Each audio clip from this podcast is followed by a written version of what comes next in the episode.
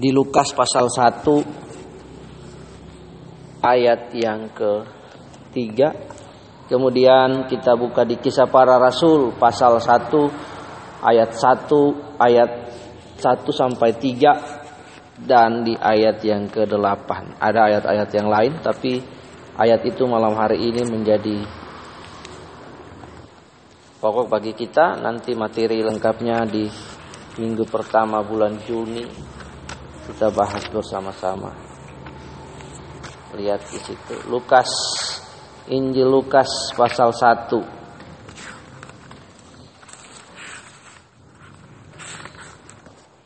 Ya, kita baca. Kemudian kisah para rasul pasal 1 boleh dikasih tanda di situ.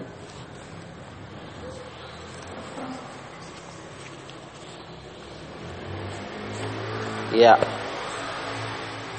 Seperti yang disampaikan kepada kita oleh mereka yang dari semula adalah saksi mata dan pelayan firman. Saya baca lagi dari ayat 1. Pendahuluan Theophilus yang mulia, banyak orang telah berusaha menyusun suatu berita tentang peristiwa peristiwa yang telah terjadi di antara kita seperti yang disampaikan kepada kita oleh mereka yang dari semula adalah saksi mata dan pelayan firman.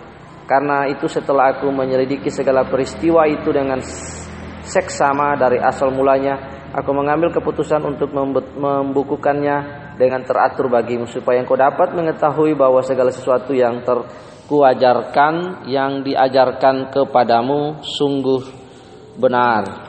Kisah para Rasul pasal 1 ayat yang ke 1 sampai yang ke 5 lalu lompat ayat yang ke-8. Hai Theophilus dalam bukuku yang pertama aku menulis tentang segala sesuatu yang telah dikerjakan dan diajarkan Yesus sampai pada hari ia terangkat sebelum itu ia telah memberi perintahnya oleh Roh Kudus kepada rasul-rasul yang dipilihnya. Kepada mereka ia menunjukkan dirinya setelah penderitaan yang selesai, penderitaannya selesai dan banyak tanda ia membuktikan bahwa ia hidup Sebab selama ber 40 hari ia berulang-ulang menampakkan diri dan berbicara kepada mereka tentang kerajaan Allah. Kita lihat saja langsung ayat ke-8. Tetapi kamu akan menerima kuasa Roh Kudus kalau Roh Kudus turun ke atas kamu dan kamu menjadi akan menjadi saksi saksiku di Yerusalem dan di seluruh Yudea dan Samaria dan sampai ke seluruh ujung bumi. Perhatikan dengan baik. Pelajaran ini saya baru siapkan hari tadi. Jadi bukan karena dengar dari uh, MP3 atau yang lain sebagainya. Pernah dengar kata saksi? Tahu? Siapa yang tahu pernah dengar kata saksi? Hah? Ada yang pernah dengar kata saksi? Kalau kita mendengar kata saksi, bayangan kita, pikiran kita tertuju kepada pengadilan, hukum, kepada pengadilan, kepada hukum, kepada peristiwa kejadian yang disaksikan oleh orang lain. Tidak jauh berbeda dengan ini. Kalimat ini juga adalah kalimat hukum, kata saksi. Ya.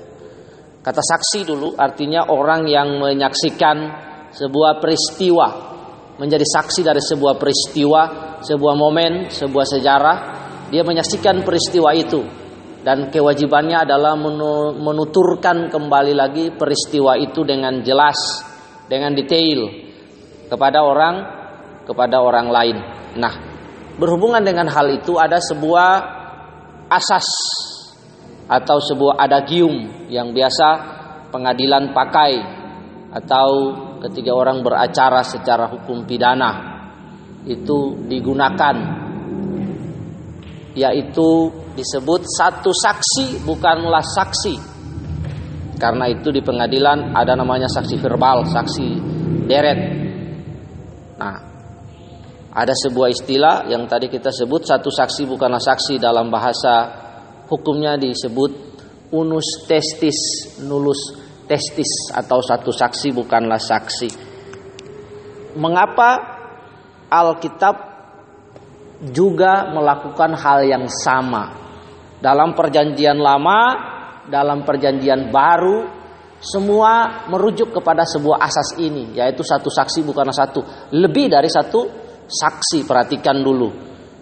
Alkitab ketika ditulis banyak nabi-nabi dari zaman PL perjanjian lama ada sebut nabi besar Yeremia, Yesaya, Yehezkiel, Daniel semuanya menyaksikan menyaksikan bahwa Kristus akan datang. Salah satu contoh saja akan datang semuanya sama menubuatkan sama dan itu digenapi. Walaupun itu kesaksian nubuatan, tetapi mereka menyaksikan itu.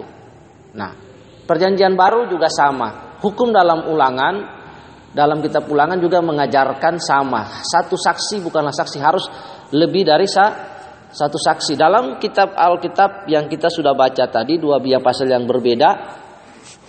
Pertama Injil mengajarkan kepada kita bahkan Tuhan berkata janganlah engkau mengajak seseorang atau mengadil seseorang tanpa atau dengan satu saksi tapi harus lebih dari dua saksi. Karena kenapa dia menyaksikan peristiwa peristiwa itu, momentum itu. Karena si saksi itu bisa saja menyampaikan hal yang benar, yang setengah benar, yang atau yang tidak benar atau berbalik dari peristiwa itu sama sekali. Nah, karena itu harus dilakukan konfrontasi. Perhatikan Alkitab. Kesaksian Alkitab menulis bahwa Lukas menulis catatannya itu dengan teratur, dengan teliti, dengan saksama secara detail. Nanti kalau kapan-kapan kita belajar kitab Lukas nih, kitab yang detail karena dia seorang dokter, dokter, maka secara detail dia belajar ilmu. Jadi secara teratur, tersusun, rapi. Mana kita para rasul. Dia menjadi saksi, jadi saksi dia menjadi saksi, dia menyaksikan peristiwa, nanti dia akan bertanggung jawabkan menceritakan peristiwa itu ulang. Nah, saksi itu juga disumpah untuk menceritakan. Karena itulah kita lihat di Indonesia peristiwa G30 SPKI itu tidak menjadi clear, tidak menjadi jelas peristiwa Super Semar dan lain sehingga sejarah Indonesia menjadi kabur karena pelaku sejarah peristiwa itu mengaburkan pe, peristiwa momen yang dihadapinya. Tapi Injil lain, dia memberitakan hal yang benar. Kalau kita baca kita para rasul dan Injil-Injil yang lain yang diajarkan Yesus, Rasul Paulus bahkan harus lebih dari satu saksi. Jadi unus testis nulus testis. Satu saksi bukanlah saksi. Kenapa? Itu penting bagi kita. Yang pertama Injil memberikan bukti akan keabsahannya. Di dalam Matius juga mengajarkan bukti supaya kalau tidak ada banyak saksi maka keberadaan itu tidak absah atau tidak benar tidak betul peristiwa itu tidak pernah terjadi bisa karang. Nah, Injil Lukas memberitahukan kepada kita bahwa kebenaran firman Tuhan peristiwa yang dicatat oleh Injil Lukas itu benar-benar lebih dari satu orang banyak saksi yang menyaksikan peristiwa Yesus hidup. Jadi buku Injil ini ditulis setelah Yesus naik ke sorga. Menyaksikan adanya lebih dari satu sak satu saksi dan saksi itu saksi hidup yang menceritakan ulang ditulis. Hal ini juga dikonfirmasi dengan kematian Tuhan Yesus lalu kebangkitannya. Dia menunjukkan diri kepada lebih dari satu orang selama 40 hari. Perhatikan di situ dikatakan bahwa ia hidup. Sebab selama 40 hari ia berulang-ulang menampakkan diri dan berbicara kepada mereka. Jadi berulang-ulang kali kepada para murid. Perhatikan di jalan ke Emmaus kepada Marta, Maria Magdalena, kemudian kepada siapa lagi banyak Thomas, kepada para murid yang lain. Jadi banyak orang yang menyaksikan kebangkitan Tuhan Yesus. Dia menampakkan diri bahwa dia benar hidup, dia benar bangkit. Nah, sehingga ketika Injil itu ditulis, orang-orang yang mencatat Injil itu orang menjadi percaya bahwa ada orang-orang yang hidup yang menyaksikan peristiwa itu penting bagi kita. Itulah yang disebut dengan kesaksian. Nah, ini mengapa penting bagi kita? Satu, supaya kita paham, supaya kita tidak ditipu oleh berbagai angin pengajaran. Contoh, salah satunya adalah ketiga Rasul Paulus, sebelum Rasul Paulus itu dipilih, ada yang namanya penglihatan. diperlihatkan kepada Tuhan kepada yang namanya Ananias. Dia melihat Tuhan memberitahukan kepada dia bahwa dia akan memakai Rasul Paulus. Sebelum Paulus berjumpa dengan Tuhan di pintu Damsik setelah kejadian itu. Setelah Paulus bertemu Tuhan di pintu Damsik, sebelum peristiwa itu Ananias sudah mendapatkan penglihatan. Jadi ada konfirma konfirmasi. Harus ada konfirmasi bahwa berita itu absah, bahwa berita itu terjadi. Dalam kehidupan Kristen, sebelum Paulus jadi Saulus, jadi Paulus, orang lain sudah mendapatkan peneguhan bahwa dia akan bertobat. Tuhan kasih tunjuk langsung dia akan dipakai dalam peristiwa Paulus. Seringkali banyak orang Kristen bilang saya dapat penglihatan, contoh dibawa ke sur, dibawa ke surga. Yang dapat penglihatan dia sen, dia sendiri. Contoh si A, pendeta A dapat penglihatan, orang A dapat penglihatan. Saya dibawa ke surga, saya melihat neraka. Nah, ada salah satu hamba Tuhan bernama Benihin dia dapat penglihatan katanya di surga pintu surga terbuka itu orang main piano. Sepanjang kita menyelidiki Alkitab kita tidak pernah menemukan piano di surga. Satu, tidak ada alat musik piano di surga. Alat musik yang selalu menjadi rujukan surga adalah sangkakala. Kemudian ada yang lain lagi. Tapi atau yang lain lah. Tapi tidak pernah ada piano. Berarti di dalam prinsip Alkitab dia tidak sejajar. Yang kedua tidak ada saksi. Tidak ada saksi. Tidak ada saksi yang menyaksikan bahwa dia naik ke surga. Jadi dia bersaksi buat dirinya sen sendiri. Berarti kesaksiannya pal palsu. Harus ada orang yang menyaksikan kejadian yang sama. Kemudian mengkonfirmasi. Ada saya dibawa Tuhan ke surga. Saya bertemu dengan Tuhan. Tuhan ngomong begini ke saya, Tuhan siapa? Tuhan mana? Mana saksinya? Tuhan Yesus bangkit saja, dia ada saksi. Dia memperlihatkan diri kepada murid-murid banyak saksi bahwa dia hidup. Itulah sebabnya penting bagi kita pelajaran ini bahwa satu saksi bukanlah saksi. Coba seseorang datang lalu mengajar kita bahwa hidup mengajar kita begini-begini.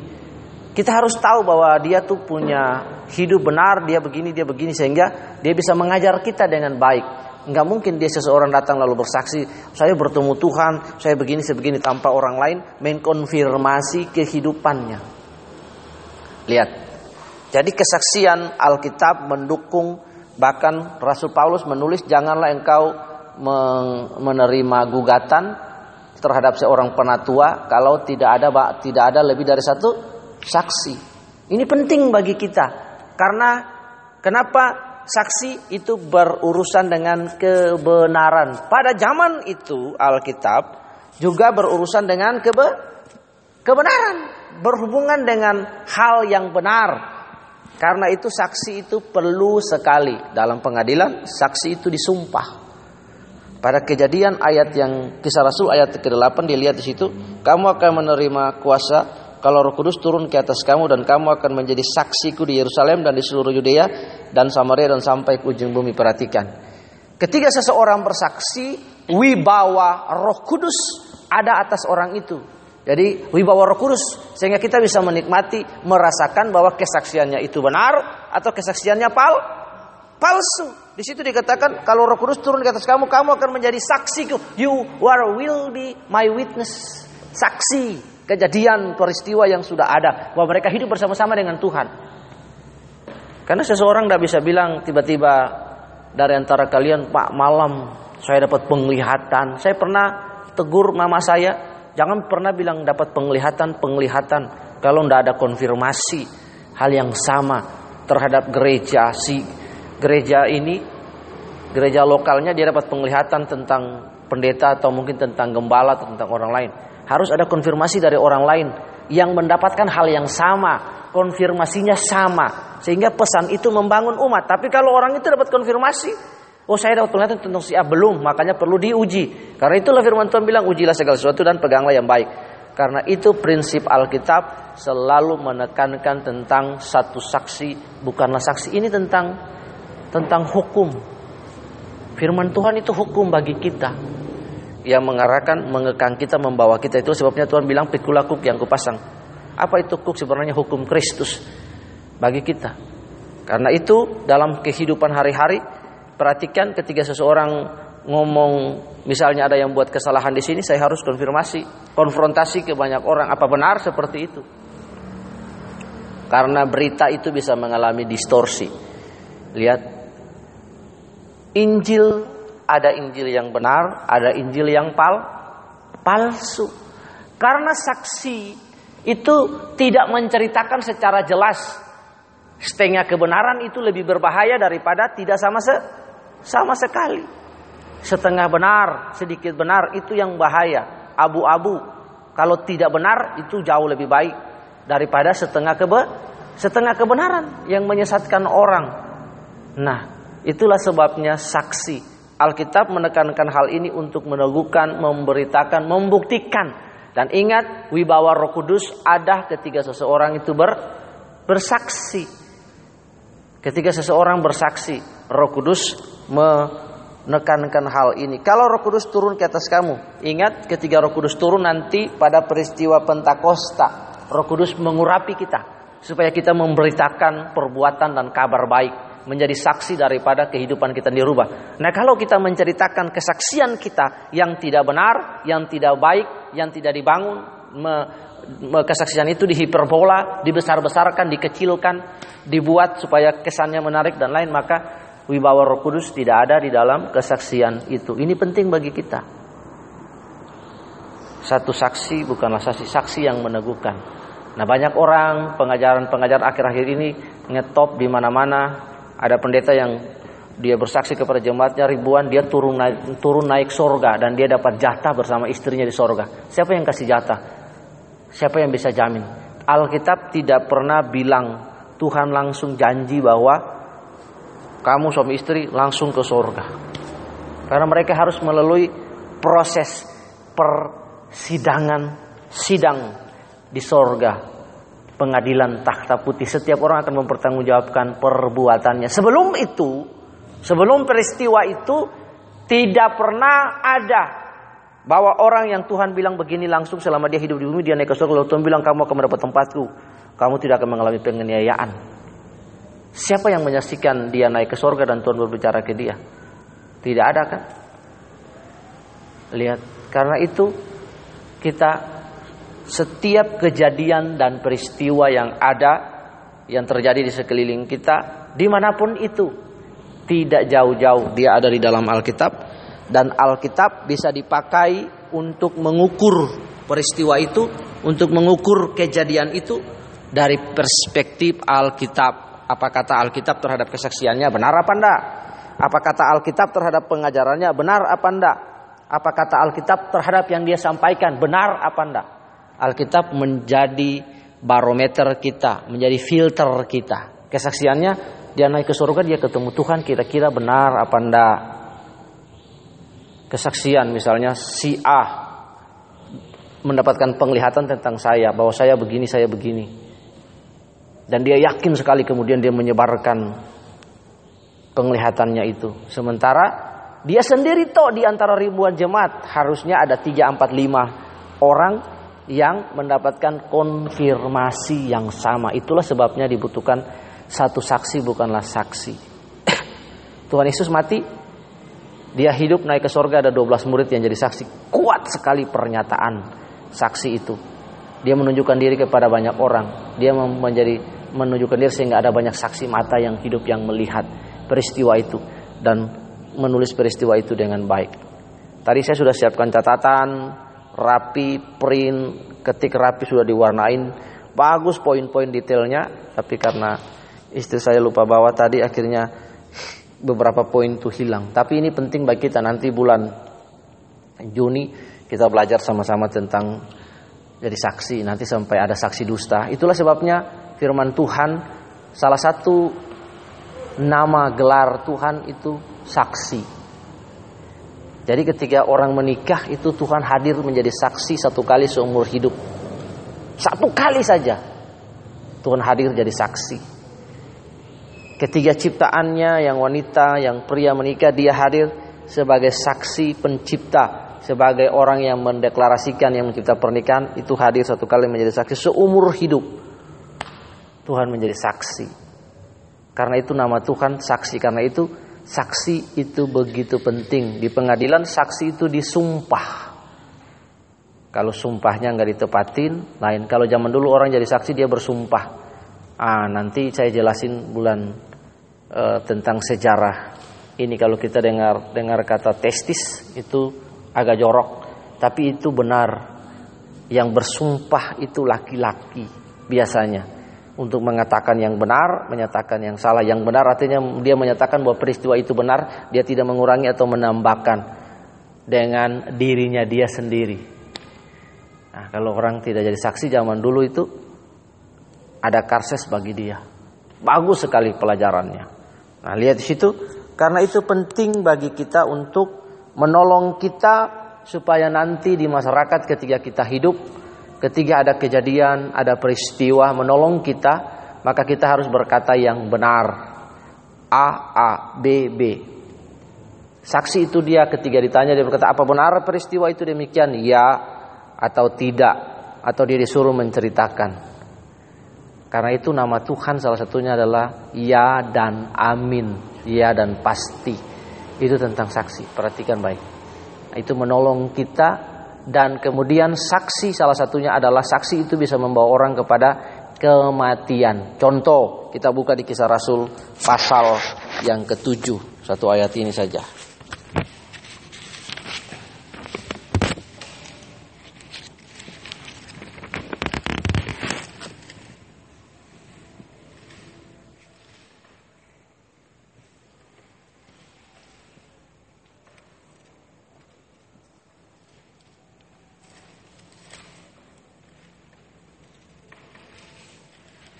Ya, lihat Kisah Rasul pasal 7 ayat yang ke-58. Kisah Rasul pasal 7 ayat yang ke-58. Lihat di situ. Mereka menyeret dia keluar kota lalu melemparinya dan saksi-saksi meletakkan jubah mereka di depan kaki seorang muda yang bernama Paulus. Perhatikan kesaksian yang benar, yang tidak benar itu akan membawa orang kepada kematian atau kehidupan. Baik dengan perkataan kita bisa menghidupkan orang saksi bisa mematikan. Lihat. Stefanus tidak akan dibunuh. Stefanus adalah salah satu kalau baca di ke, kisah para rasul pasal 6 itu dia adalah salah satu dari tujuh orang samas penatua majelis yang dipilih dalam gereja. Ada Stefanus, Filipus, Perhorus, Nikanor, Timon, Permenas, Nikolaus tujuh orang majelis jemaat atau sama sama penatua yang dipilih. Salah satunya yang penuh dengan roh adalah Ste Stefanus. Coba balik di kejadian pasal yang kisah Rasul pasal 6. Lihat di situ, tujuh orang dipilih. Ya.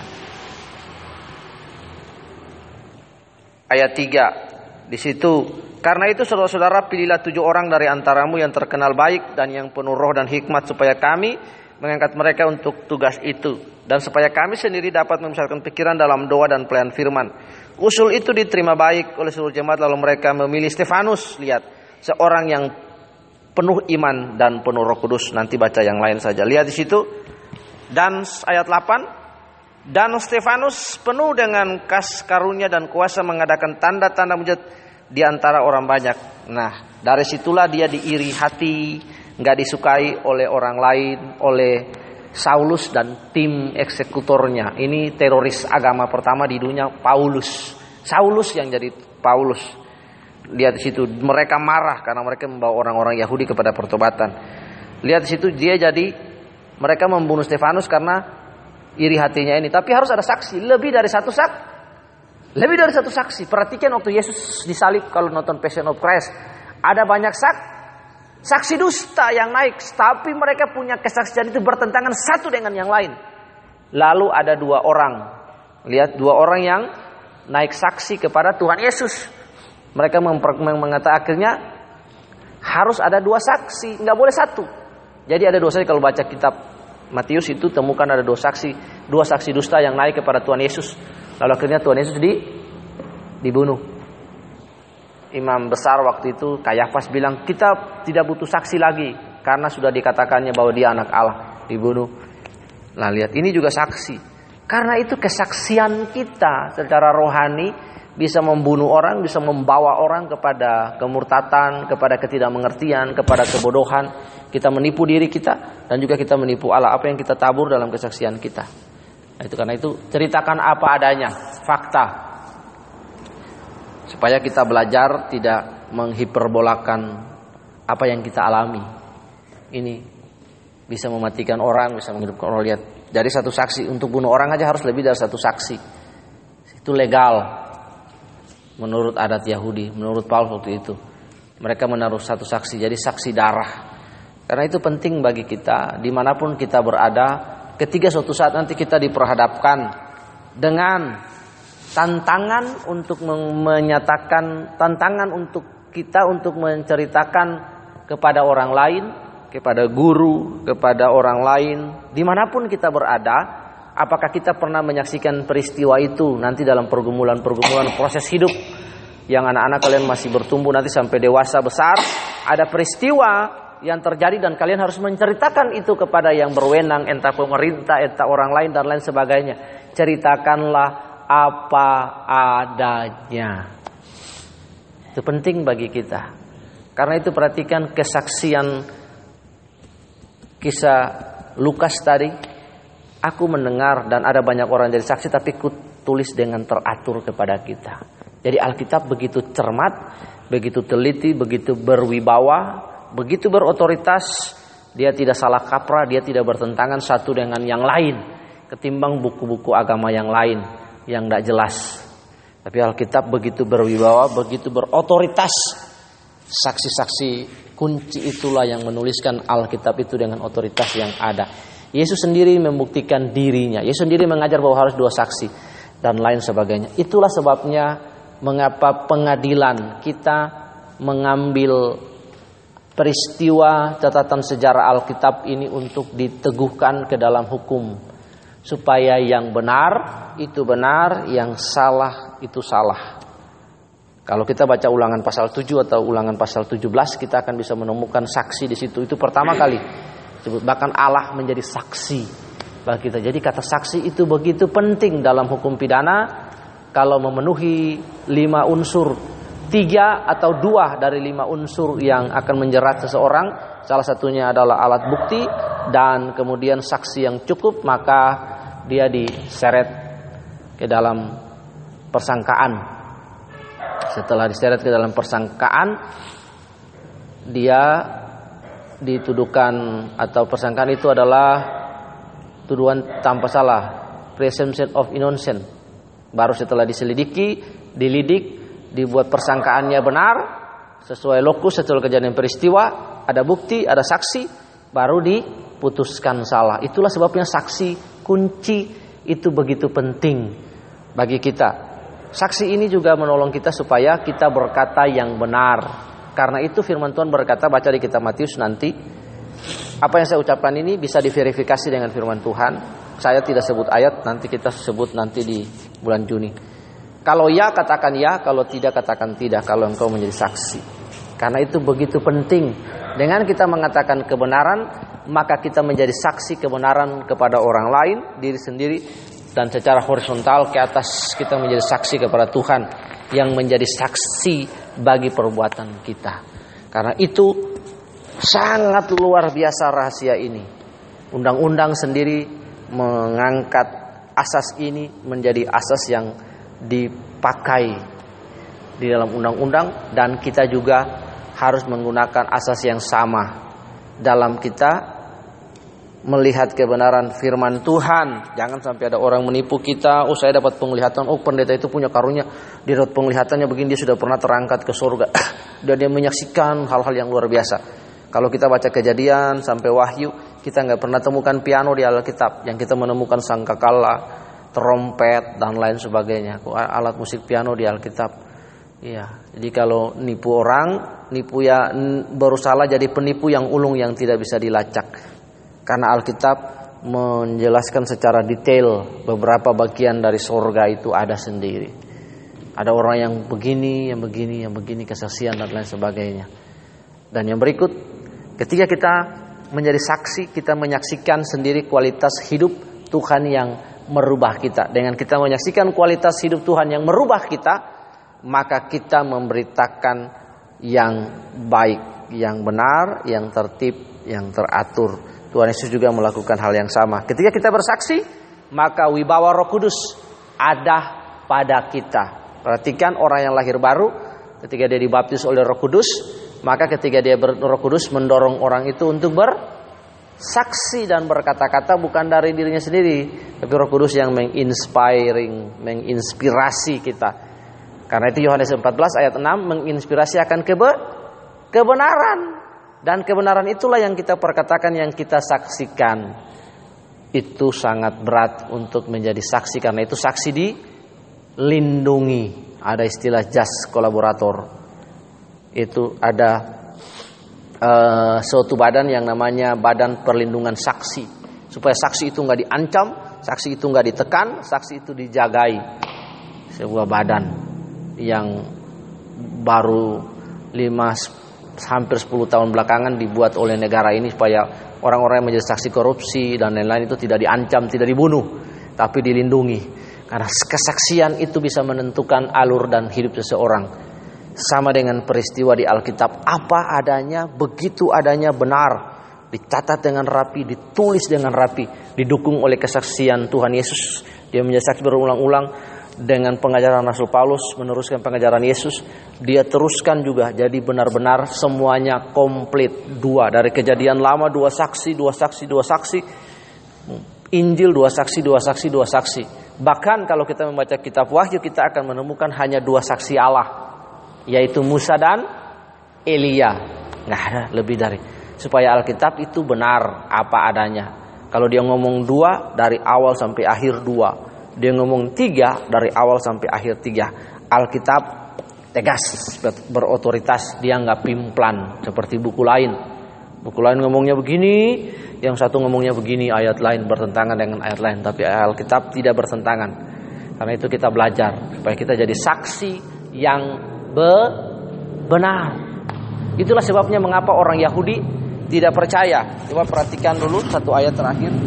Kita lihat dalam Matius pasal 28.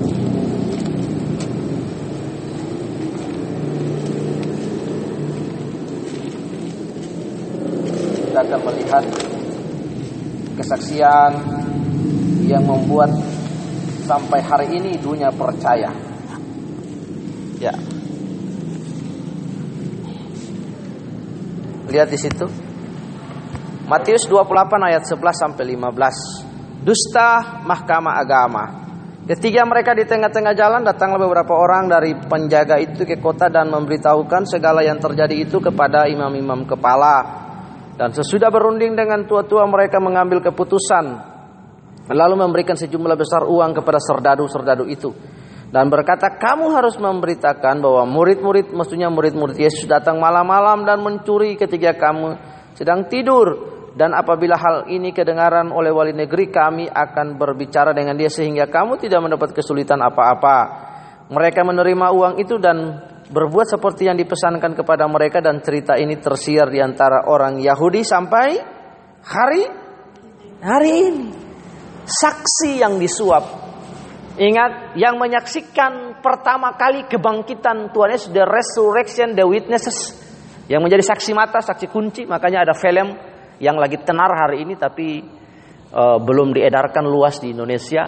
Judulnya Reason, Risen Nanti reason itu kita bisa cari di internet, kita bisa nonton sama-sama. Ada seorang perwira yang bernama Clavius, dia berusaha mencari Tuhan Yesus. Jadi film itu bisa bisa lihat trailernya itu di YouTube bagus sekali tentang reason. Filmnya bagus, sama seperti Passion of Christ. Jadi dia mencari. Nah, serdaru-serdaru ini menyaksikan mereka berjaga di pintu goa kuburan Yesus itu di cave itu. Mereka yang menyaksikan bahwa Yesus itu bangkit, fakta real, menjadi saksi mata. Tapi mereka tidak pernah menyaksikan, menceritakan ulang momentum kejadian peristiwa itu karena uang.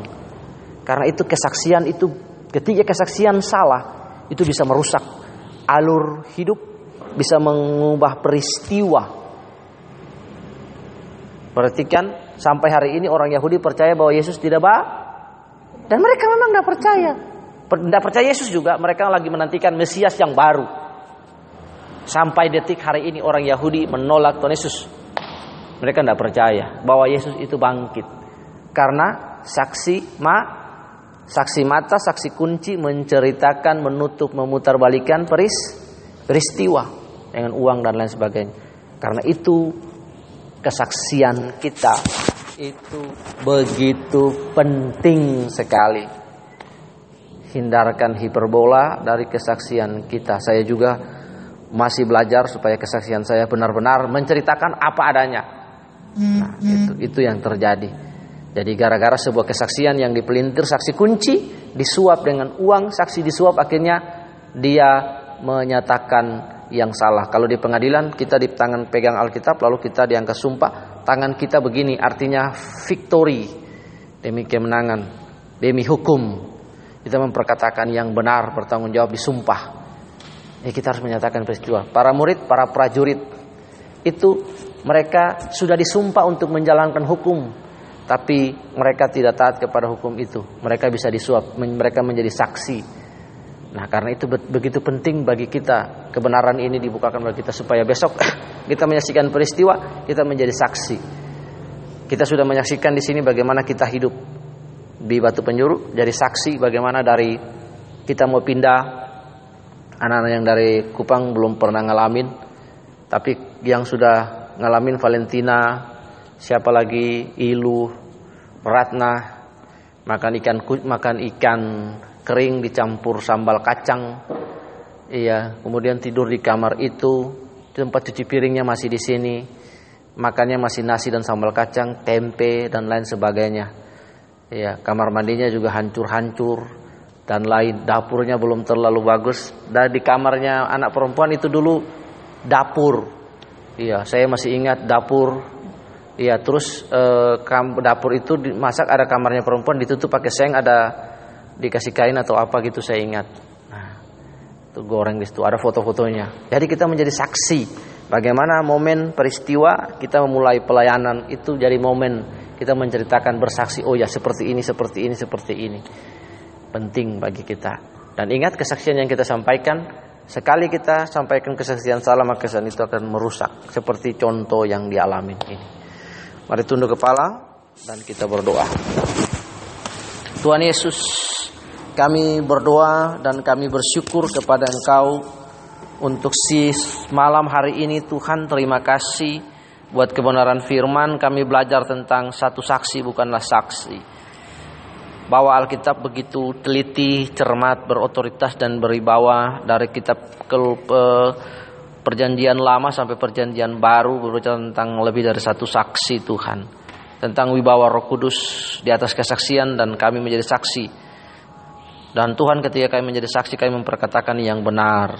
Tuhan tolong kami supaya kami bisa menyaksikan dengan baik, dengan benar apa pun kejadian, momen dan peristiwa yang kami alami dalam hidup kami kepada orang lain. Sehingga membawa kemuliaan bagi nama Tuhan, wibawa Roh Kudus ada di atasnya dan orang yang mendengar kesaksian kami, iman mereka boleh dikuatkan, boleh diteguhkan.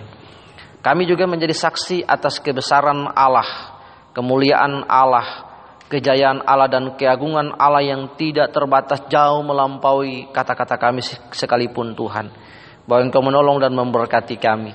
Kami melihat perubahan demi perubahan dalam hidup kami karena campur tangan anugerah dan cinta rahmat Tuhan bagi Tuhan kami dari Bapa Sang Pemilik akan pelayanan di tempat ini Tuhan. Terima kasih.